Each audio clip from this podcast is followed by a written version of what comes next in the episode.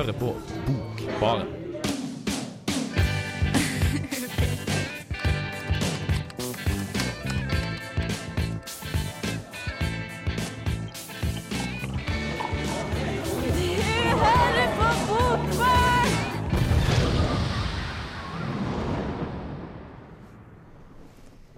Hei og hjertelig velkommen skal dere være til dagens sending med Radio Revolts litteraturmagasin Bokbarn.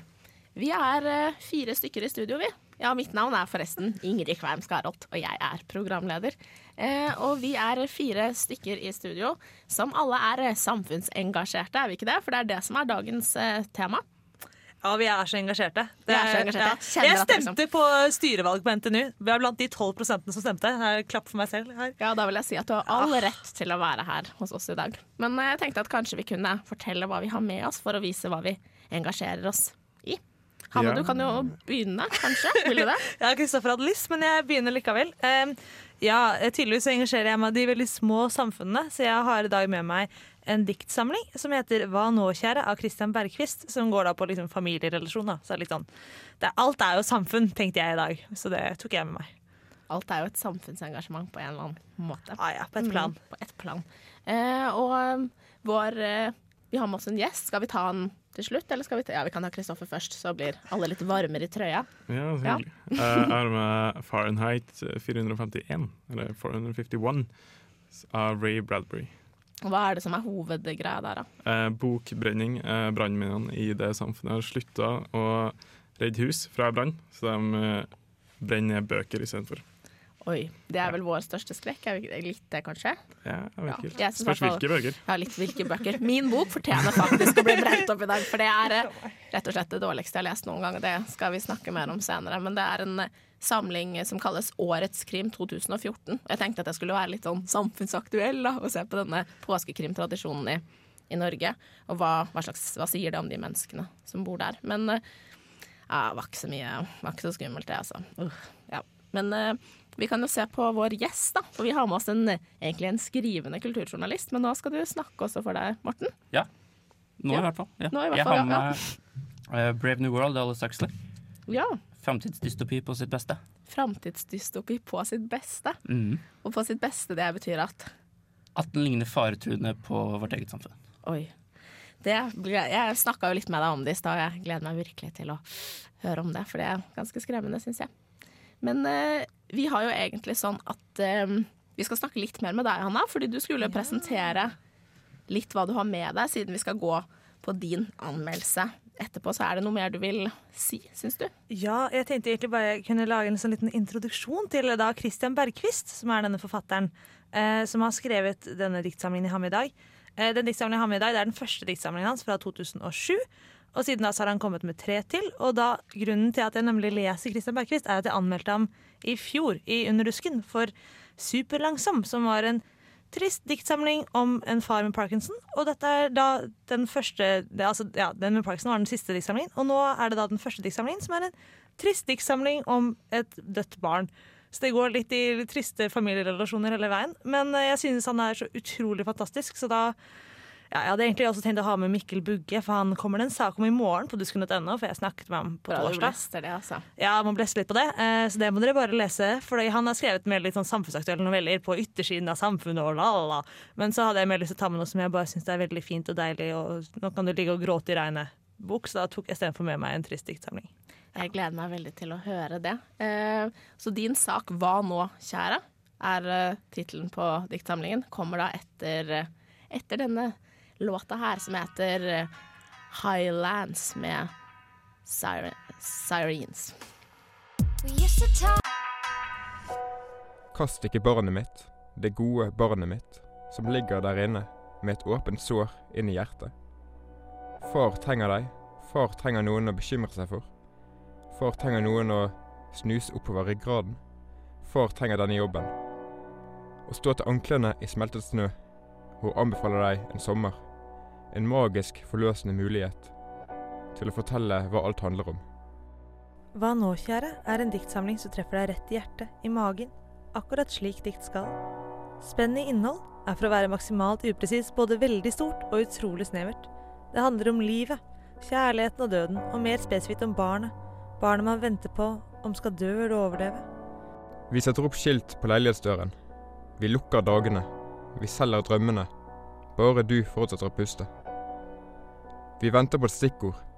At vi kan feste et liv til kameraet. At vi kan trekke opp koselydene. Og måle høyden din. En barndom hakket inn i kjøkkenkarmen. På tå hev. Til vi er nesten like store. Det lyriske jeget speider framover i en mulig virkelighet, og også tilbake. Diktsamlingen foregår før og etter barnets fødsel, og før og etter barnets død. Hele diktsamlingen spinner inn og ut av det skjøre livet, og oppsettet er også med å underbygge dette. Vi har ingen rim, ingen store bokstaver. Det starter ikke ett sted og slutter et annet. Liv og diktet er en evig strøm som favner om mer enn bokstavene på siden. Bergquist makter virkelig å vekke mer enn ord i hjernen. Det er følelser fra alle kanter. Det er en maktesløshet i dette. Det lyriske jeg er klar over ikke bare følelsenes, men også rasjonalitetens tilkortkommenhet. Vi har ingen gyldige reaksjoner. Gi følelsene våre en istid.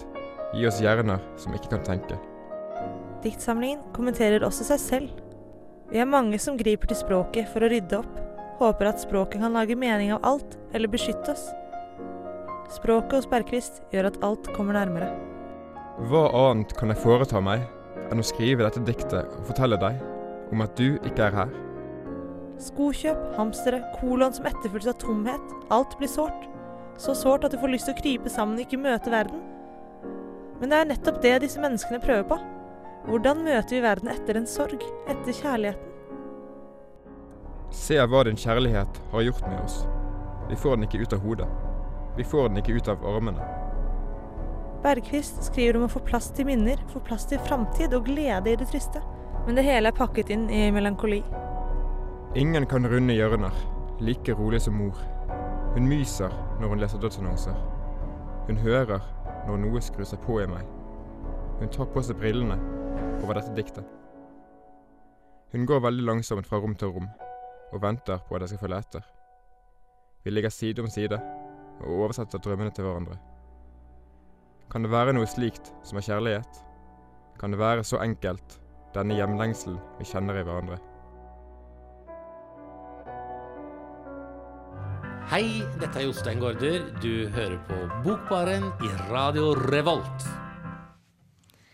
Ja, da hørte vi akkurat på din anmeldelse, eller vi hørte på Jostein Gaarder imellom, da. Men din anmeldelse, Hanna, av eh, den diktsamlingen til eh, Christian Bergquist. Christian Bergquist, det er helt riktig. Mm. Hva nå, kjære? Hva Uten nå, spørsmålstegn bak. Mm, og jeg må innrømme at jeg ble veldig følelseslada av den uh, musikken og det du sa. Og ja, jeg syns det var uh, vanskelig å ikke la seg påvirke da, når man hører noe sånt. Ja, nei, det er det som er at disse diktene, du tror liksom ikke det skal være så ille. Du tenker litt sånn ja ja, men dette er, det er litt trist, tenker du på starten, og så går det litt tid. Og så særlig hvis du leser dette litt seint på kvelden, så ender du opp med å grine. Og du det er litt sliten. Ja, kanskje, det er, det er bare helt forferdelig. Og det er veldig sånn det er på en måte, Han klarer å favne så utrolig mye mer enn det han skriver. så Det er derfor det er så vanskelig synes jeg, å snakke om denne diktsamlingen, fordi det ligger så utrolig mye mer bak. Så jeg vil på en måte bare lese opp eksempel etter eksempel etter eksempel, sånn at dere skjønner hvor utrolig vakkert dette her er. Uten at jeg klarer å liksom formulere det med mine egne ord. Det så man jo, Du har jo et nesten rekord tror jeg, i antall opplesninger i denne anmeldelsen. For vi pleier Ja. kanskje å ha to bidrag sånn snitt, men her var det Ja. fem, eller var det ikke det? Jo, men det var bare biter av dikt, mye av det. Ja. Så var det to eller tre ordentlige dikt, eller hele dikt. Så Mm. det var litt sånn oh. fram og tilbake. Men ja. Men uh, du sa at du følte at du ville si noe mer om formen og uttrykket som du kanskje ikke fikk sagt nok av. Bare igjen nevnt i en bisetning, sa du. Ja, Eh, nei, jeg ja. nevnte litt, litt mer enn bisetning. Men det, det med denne tegnsettingen hans, det, for eksempel den heter 'Hva nå, kjære?' uten spørsmålstegn. For det er jo egentlig et spørsmål. Hva gjør vi nå etter på en måte, denne sorgen? Uh, hele veien. Og så gjennom hele diktsamlingen da, så er det ikke et eneste punktum eller et eneste komma, det er bare noen kolon. Så hele diktsamlingen slutter jo med et kolon. Skal vi se, den er veldig fin. Det er sånn derre Skal vi se, skal finne den her. Skal vi begynne igjen? Og hun sier 'slik', og så kommer det et kolon. Og så er det bare ferdig. Så det liksom, da starter vi opp på nytt igjen. Så det syns jeg er veldig veldig fint. Veldig. Så driver han altså med sånn Asterix-tegn, som er sånne opptegn etter ting som er fint, og det syns jeg også er veldig, veldig hyggelig. Men samtidig så blir den liksom, norrønstudenten oppi hodet mitt, eller nordisk-studenten, litt satt ut. fordi når man bruker sånne stjerner i nordisk, så er det fordi det er en ugrammatikalsk setning. Så jeg blir liksom sånn, Dette er, Og så tar det litt tid, men det er egentlig veldig fint. Men det er ikke ugrammatikalsk her. Å nei, det er ikke ugrammatikalsk, det er sånn gutten min-stjerne. Og så er det liksom fint. Mm. Kristoffer står og smiler litt. Syns du dette hørtes teit ut? Uh, litt. Uh, men uh, Sorry. Den har det er ikke teit! Det er ikke teit, du bare leser det. Det høres teit ut når vi snakker om det, for det blir sånn føler. Men hvis du leser det selv, leser det selv så blir det veldig bra. Men uh, føler jeg som en samfunnsborger? Eller hva er det? Nei, altså, hvis du, det samfunnsmessige her det- Jeg tok det med fordi det er en fin diktsamling. Ja, Eh, ok. mer enn Så jeg har bare satt og venta på sånn kritikk oh, ja, av nei, eh, ja, altså han driver jo litt med Han driver jo litt med det universelle òg. Når jeg i anmeldelsen snakket jeg veldig mye om dette enkeltbarnet, eh, som på en måte er denne deigen som boken er skrevet til. Men han skriver jo også om eh, barn som dør i selvmordsangrep, og barn som lever i Tokyo, barn som lever Altså barn lever alle steder, og barn forsvinner og litt sånne ting. Altså, det er på en måte, han setter det jo i en samfunnskontekst Ja. om ikke annet. Um, så det får på en måte ikke bare denne partikulære lille familien hvor det går litt galt, men også de store bildene. Så det er kanskje det mest samfunnsmessige du ja, Jeg syns det høres veldig fint ut, men det er kanskje litt er det, Tror du det er en forskjell på at ja, Jeg er veldig glad i det at jeg skal føle mye når jeg leser. Så det, jeg syns det, dette Er helt det til å- jentete, å føle gjennom dette handlet. Nei, jeg vet ikke om vi skal Nei, dra den si diskusjonen eh, Nei. akkurat nå. Begynne på den. Jeg bare hogger stein og kjører i veggen. Uff a meg. Nei, nei, nei. Det får Men lov til å eh, si. jeg tenker at um, jeg har i hvert fall veldig lyst til å lese den, og det håper jeg at noen andre også har. Men vi skal ha en bok etterpå fra deg, Morten, som er kanskje litt mer sterkere sånn direkte samfunnsengasjement. Jeg vet ikke. På tema. Riktigere på temaet. yes. det. Ja, det er eh, Den er eh, Det er blitt kalt om eh, en bok om ideer, ikke om personer, og det stemmer nok absolutt. Karakterene er ikke de dypeste. Nei. Men det blir veldig spennende å få den kontrasten etterpå, for vi skal høre den eh, saken din rett etterpå. Men før det så skal vi høre på Stian Westerhus and Pale Horses med 'Nights and Sleepless Days'. Really efficient totalitarian state would be one in which all the all-powerful executive political bosses and their army of managers control a population of slaves who don't have to be coerced because they love their servitude. Dette er tanken som ligger til grunn for Aldous Huxleys Brave New World fra 1932. Et samfunn hvor lidelse er forsøkt avskaffet. Menneskene eldes ikke, har tonnevis av fritid til å bruke på sport, spill og andre distraksjoner, har fri tilgang på lykkepiller og kan ligge med stort sett hvem som helst, når som helst. Det er ikke rart at Brave New World ses på mange som et utopi. Det er likevel ingen tvil om hvor Huxley selv faller i denne debatten. Vi følger Bernard Mark, som tilhører samfunnets øverste klasse, alfaene.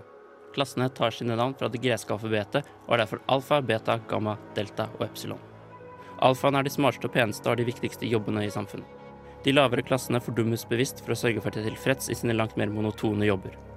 Alle har blitt manipulert både fysisk og mentalt til å være fornøyd med sin plass i samfunnet. Alpha children wear grey. They work much harder than we do because they are so frightfully clever. I'm awfully glad I'm a beta because I don't work so hard. Then we are much better than the gammas and deltas. Gammas are stupid. They all wear green, and delta children wear khaki. Oh no, I don't want to play with delta children. And epsilons are still worse. They're too stupid to be able to read or write. Besides, they wear black which is such a beastly color. I'm so glad I'm a better. Bernard Marx føler seg likevel utilpass innenfor sin egen klasse. Han er ikke like høy eller like pen som andre alfaer. Han tar avstand fra både lykkepiller og tilfeldig sex. Han er ute etter noe mer, som han selv sier. I'd rather be myself. Myself and nasty. Not somebody else. However jolly. Etter en tur til et naturreservat møter han indianeren John, som har vokst opp i et samfunn hvor lidelse i høyeste grad fortsatt eksisterer. Det er dette som hovedkonflikten i Brave New World. Er et samfunn blottet for ubehageligheter noe å trakte etter? Eller er disse meningsløse distraksjonene og behagelighetene bare en måte for de som kontrollerer samfunnet, til å passivisere resten? Distrahere dem til å akseptere et diktatur. Ikke på den måten det forespeiles i bøker som 1984, med hjelp av terror og tortur. Dette er ikke lenger en relevant frukt for oss i Vesten. Vi trenger ikke lenger frykte at noen skal ta fast tilgangen på informasjon, ved at vi selv skal slutte å ta den innover oss. Fordi vi heller vil fokusere på billige flyturer til Syden, den neste episoden av Game of Thrones, eller hvilken kjendis vi nå kan få se nakenbilder av. Getting rid of everything unpleasant instead of learning to put with it. whether it is better in the mind to suffer the slings and arrows of outrageous fortune, or to take arms against the sea of troubles and by opposing end them. But you don't do either. Neither suffer nor oppose. You just abolish the slings and arrows. It's too easy.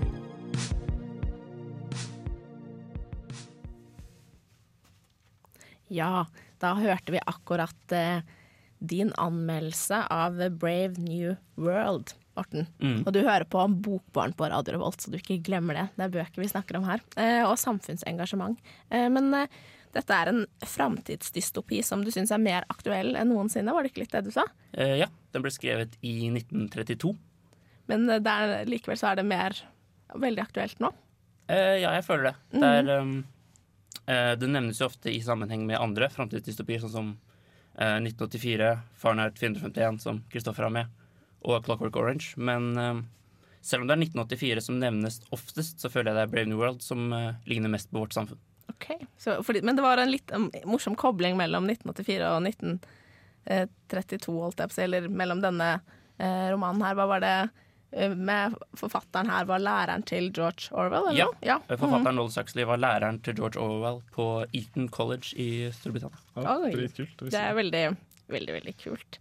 Men eh, har du lyst til å fortelle litt om hva som ligner på, eller hva som er, ligner på vårt samfunn, som denne dystopien eh, viser, da? Eh, ja, det er vel heller det at um, til motsetning da fra For den uh, Samfunnet i boka er et diktatur, men i motsetning til de diktaturene vi er vant til å se, så er det ikke et sånt uh, uh, stalinistisk diktatur da, hvor folk trues til å adlyde og straffes hvis de ikke gjør det. Det er heller det at folk belønnes for å adlyde. Folk belønnes for å adlyde. Ja. Mm. Eh, og de er ganske programmerte mennesker, var det ikke det du sa? Programmerte til å være lykkelige og til å få dekka alle sine grunnleggende behov. Ja, alle de grunnleggende behovene blir dekka. Alle har tilgang på lykkepiller. Man oppfordres til å ha sex med stort sett hvem som helst når som helst. Å være i lange forhold blir ikke oppfordra til. Folk har ikke en familie, du har ingen langtidspartnere, du eldes heller ikke. Du eldes heller ikke. Så, men er det noen som kontrollerer at du følger dette systemet? da? At alle, at alle er så enkle sjeler, enkle programmerte? Ja. Eh, ja, det er vel noen kontrollør, kontrollører lenger oppe som da har et litt mer em, eh, pragmatisk syn på det her. Som da har tilgang til mye annen informasjon eh, som befolkningen selv ikke har. Som da konstruerer samfunnet og passer på at det eh, er stabilt. Da. Det er det som er det viktigste her. At eh, stabiliteten opprettholdes. Stabiliteten opprettholdes. Men er det noen som bryter ut, da, som kommer, som kommer unna disse kontrollørene? Ja, det er jo eh, Til den grad det er en hovedperson i boka, så er det vel en person som heter Bernard Marx. Og han er på en måte feilprodusert. ja. Så Ja. det er på det produksjons... Ja. Mm. Ja, han tilhører den høyeste klassen alfa. Men eh, et eller annet har gått gærent, og han er, litt, han er litt kortere enn alle andre. Altså litt styggere enn alle andre. Og det er tegn da på at noe er galt, at man er en Ja, feil? Når han ser da annerledes ut, så blir han da litt ekskludert. Og når han blir ekskludert, så begynner han da å tenke litt annerledes. Men blir han født i det For det var alfa, beta, gamma og Ja, eh, de Epsilon. gros i glass, rett og slett. De gros i glass. Og så gros det ja De gros da basert på hva det er de skal gjøre videre. Så den øverste klassen alfa gjøres jo da ganske intelligent, gjøres fin, gjøres høy. Mens den nederste klassen epsilon, for eksempel, de skal jo ha ganske enkle jobber. Men de må fortsatt være fornøyd med å ha de enkle jobbene. Så de gjøres da ganske dumme. Du har liksom litt alkohol i blodet deres, og liksom Så alle blir jo lykkelige fordi de har bare fått tildelt den rollen de skal fylle, og de vet de er fornøyd med det. De har ikke Ja. noen andre ambisjoner. Da. Nei. De skapes fysisk til å passe inn i rollen, og de oppfordres også til å være fornøyd med hvor de er. Eh, Men hva er det som skjer med de som eh, Du har fortalt meg hva er det som skjer med de som brytes ut av denne rollen, da? Som ikke følger den? Eh, De blir vel s- ofte sendt sånne små øyer, Falklandsøyene og Island og litt sånn. borti der. Ja, Bare bli kvitt dem, rett og slett. Blir kvitt dem, rett og slett. Dreper dem ikke, da, så det er jo ikke så ille. Mm, eh, jeg hørte jo at det de ble Brenna, Eller de fikk masse, sop, masse dop og masse sex. Jeg syns det hørtes helt greit ut. Men han protagonisten i Brave New World, han ville ha noe mer.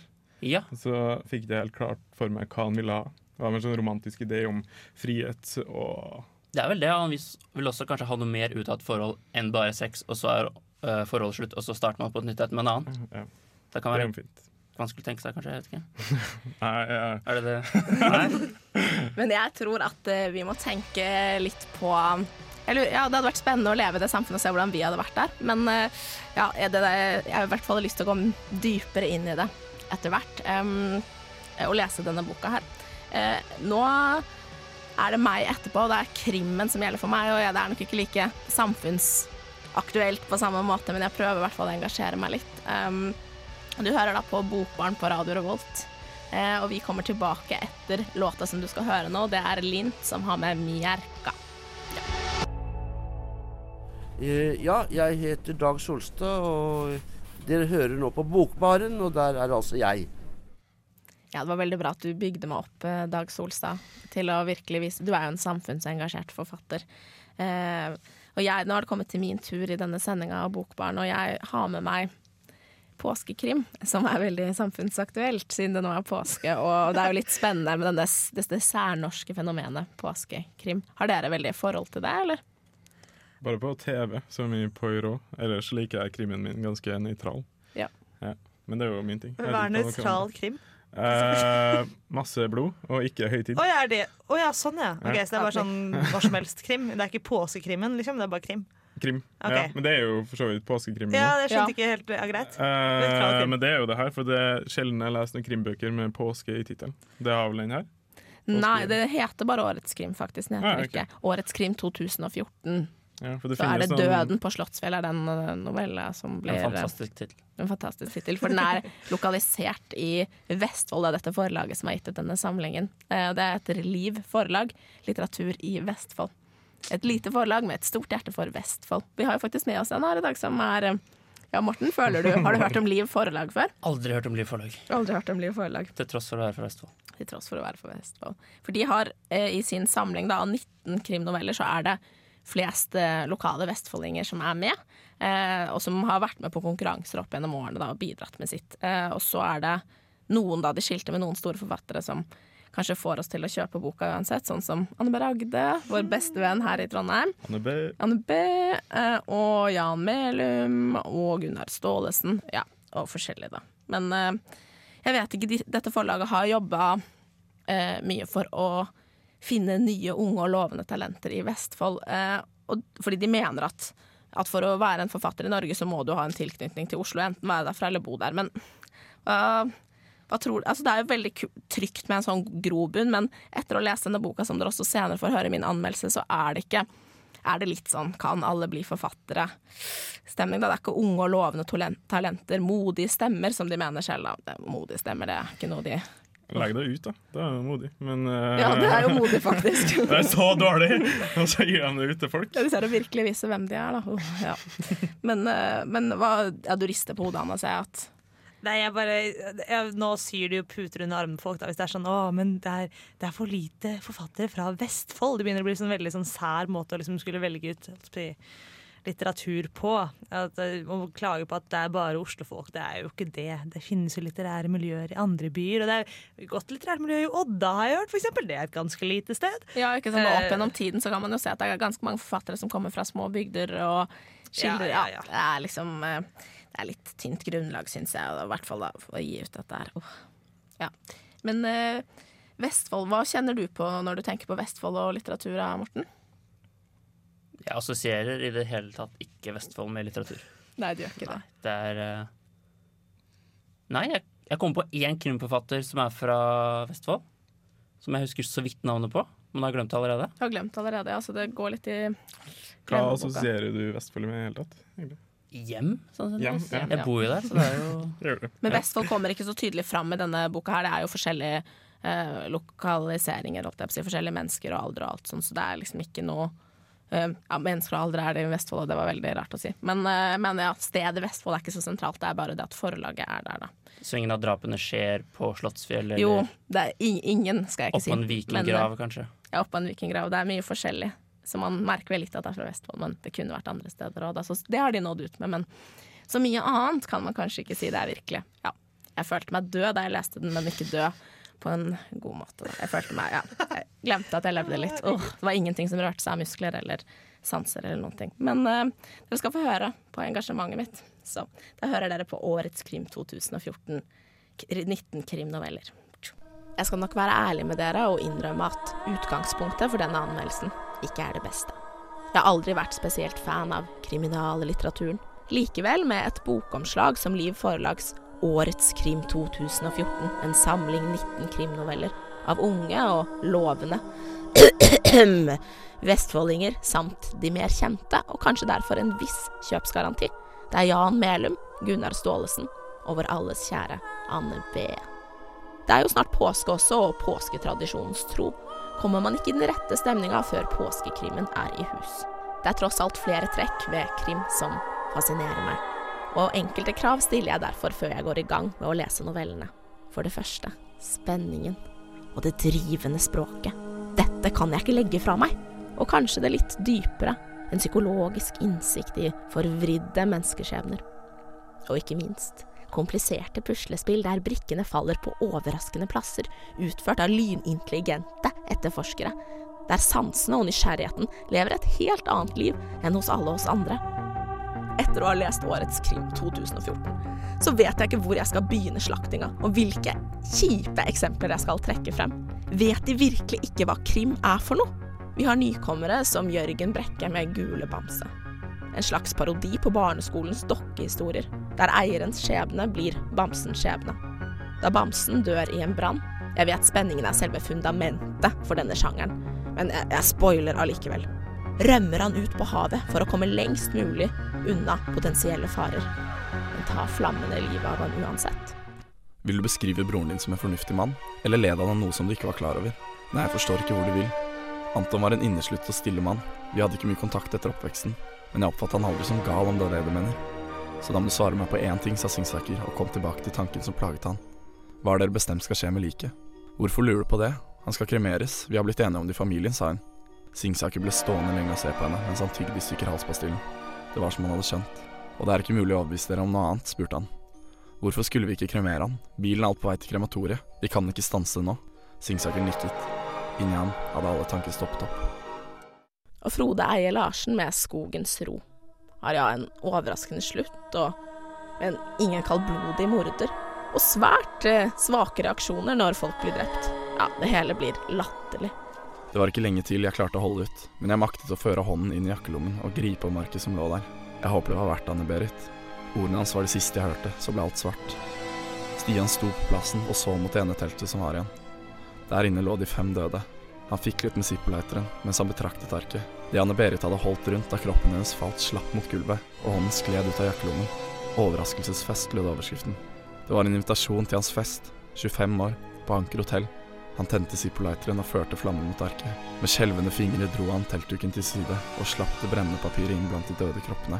I løpet av sekunder sto hele stasen i full fyr. Stian vendte ryggen til og gikk tilbake mot bilen. Selv ikke de mer erfarne forfatterne leverer.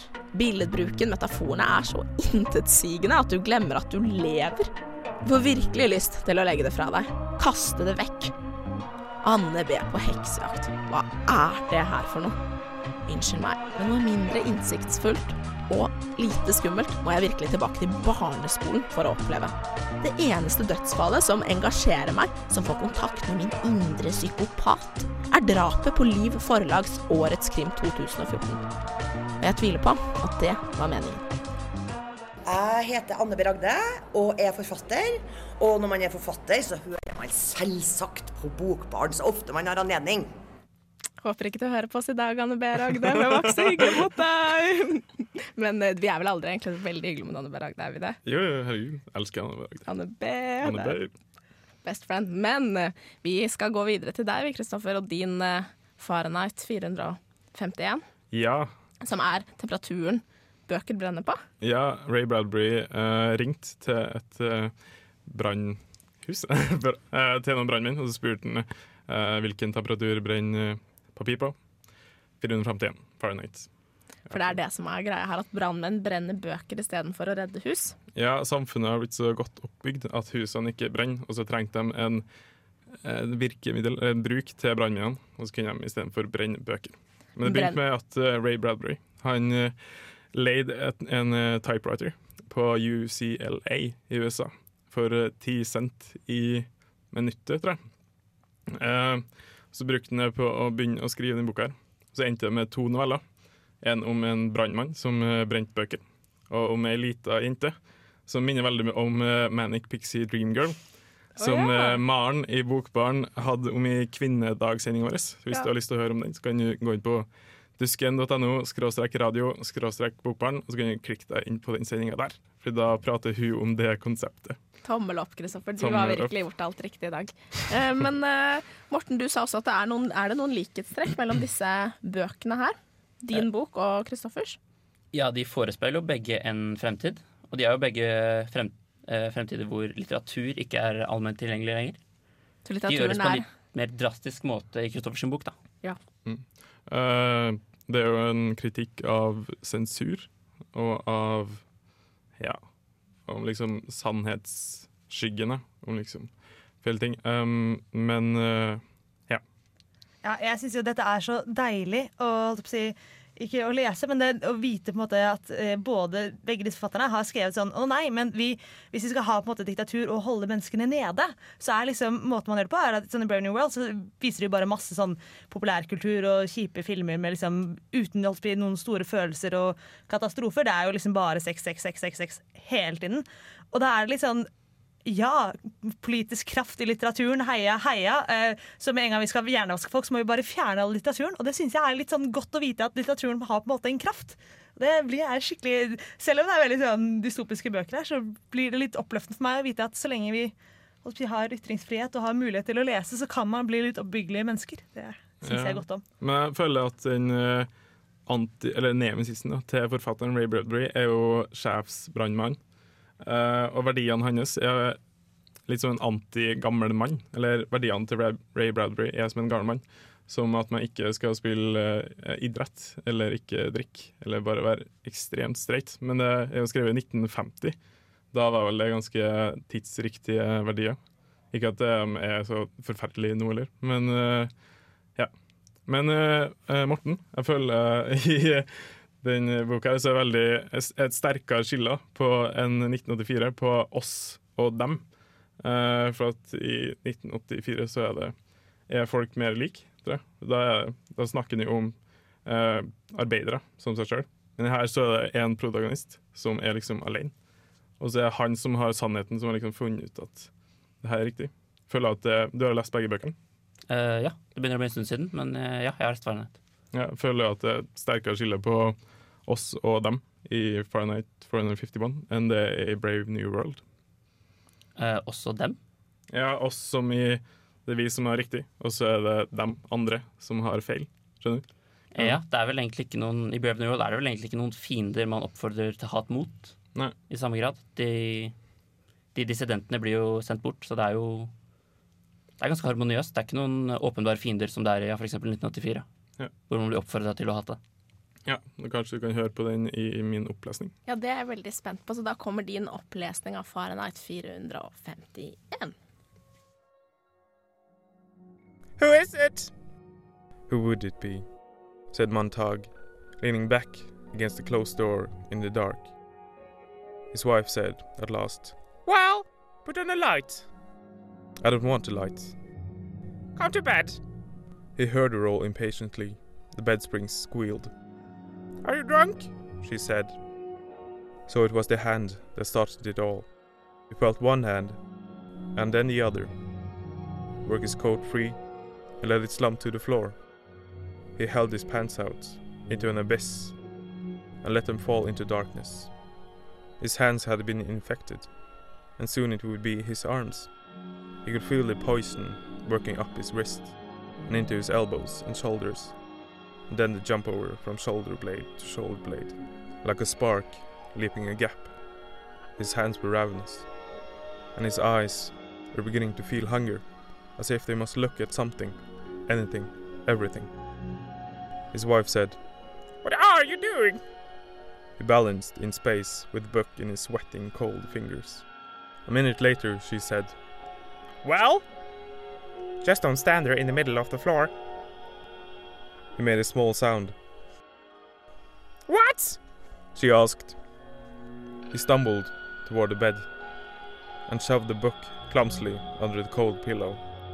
He fell into bed, and his wife cried out, startled. He lay far across the room from her, on a winter island separated by an empty sea. She talked to him for what seemed a long while, and she talked about this, and she talked about that, and it was only words, like the words he had heard once in a nursery at a friend's house, a two-year-old child building word patterns, talking jargon, making pretty sounds in the air. But Montag said nothing, and after a long while, when he only made the small sounds, felt her move in the room and come to his bed and stand over him and put her hand down to feel his cheek. He knew that when she pulled her hand away from his face, it was wet.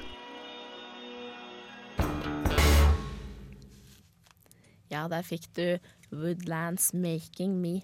Og Woodland de har holdt på lenge i det skjulte. Eh, og det, bandet ble stiftet i 2011 og består av medlemmer fra jazzmiljøet i Trondheim. Vi er glade at de kommer ut da, og viser hva de har å by på. Det var en fin eh, låt, det. Eh, men eh, jeg tenkte vi er jo på slutten nå, så vi må kanskje oppsummere litt hva vi har hatt i dag. Og Hanne, har du lyst til å begynne? Ja, det har jeg. Jeg har hatt med Hva nå, kjære? av Christian Bergquist. Eh, som er en fantastisk nydelig og sår diktsamling eh, som alle burde lese. Så derfor så har jeg tenkt, siden jeg ikke klarer å snakke godt om den, bare har lyst til å lese opp hele tiden, så har jeg tenkt å lese opp et dikt på slutten. Som er om at man eh, holdt på alt det man gjør som foreldre. Legen spør er dere foreldrene. Jeg svarer ja, det er vi.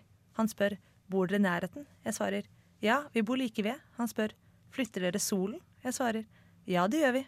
Han spør setter dere bladene på trærne. Jeg svarer jo, gjør vi ikke det? Han spør heller dere melken i, kartong eh, heller dere melken i kartongene. Jeg svarer jo da, klart vi gjør. Og han sier vær så snill, kanskje dere burde gå hjem. Men Det er- sier mye at vi må lese den selv for å virkelig forstå hva den handler om. Ja, gjerne litt saktere tempo enn det der òg. Men ja, bra reklame. Eh, Morten, da, har du noe å si til om folk vil lese din bok? Eh, ja, jeg er ikke veldig stor fan av å si at det er en bok en spesiell bok alle burde lese. Nei, jeg føler nei. ikke en sånn bok eksisterer. Nei, det gjør den ikke, Men, men, Uh, i den grad den gjør det, så er denne her en uh, god kandidat, føler jeg. Oi, det var klokt sagt. Det er Kristoffer. Uh, ja, jeg sa ikke på hvilken måte den er skrevet, for den er skrevet veldig lyrisk. Så Ja. jeg tror Ray Radbury Bradbury drømmer om å bo 500 år tilbake i tid og ha tretenner og syfilis og skrive lange dikt. Uh, så tar han det igjen med å skrive den her. Uh, men uh, det er en anbefaling. En anbefaling, rett og slett. Det var jo ikke min bok, det fikk dere kanskje inntrykk av i min anmeldelse. Men eh, jeg har jo egentlig litt lyst til å se i hvert fall noe på TV, noe krim, for å få den påskestemningen. Eller må man, må man ha det for å få påskestemning? Jeg tror populærlitteratur er best når den er veldig populær. Jeg tror, ja, Er du ikke enig, Hanne Melene? Nei, jeg bare lurte på jeg, jeg, I dag så sier du mye ting som jeg ikke skjønner.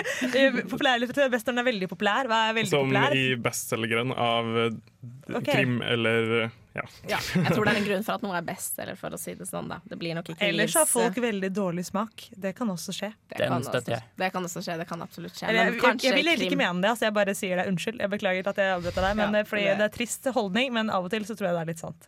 Ja, det tror jeg også. Men uh, vi får håpe at vi får lest noen gode bøker i påska, og krim eller annet. Men uh, jeg synes jeg vil takke dere for at dere har vært med i dag på denne sendinga i Bokbarn. Vi har vært eh, Morten, vår gjest. Morten Aashammer Gjennestad. Veldig, håper veldig gjerne at du kommer tilbake, Morten, og prater om dystopier og alt annet. Veldig gjerne. Veldig gjerne, så bra. Eh, Og Kristoffer Ervik. ja, kall meg baby, baby. Baby Baby fant ikke på noe spennende mellomnavn til deg. Men eh, ja, du har jo ikke et heller. Men, og Hanna Malene Lindberg. Eh, og så er det meg, da. Ingrid Kveim Skarholt heter jeg. Og jeg har vært programleder i dag. Og vi vil også selvfølgelig takke vår teknikervikar, men hun gjorde det strålende. Ingvild Aas. Mm. vi er eh, Bokbarn på Radio Revolt, og vi kommer til å lage podkast som dere kan høre på etterpå. Eller så kan du også streame oss, da. Høre. Og da får du med musikken også, som er fin. Eh, får vi håpe, da.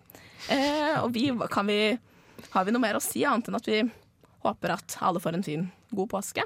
Hør på oss etter påske, for da Ja. finnes vi fortsatt. Da finnes vi fortsatt, så vi høres.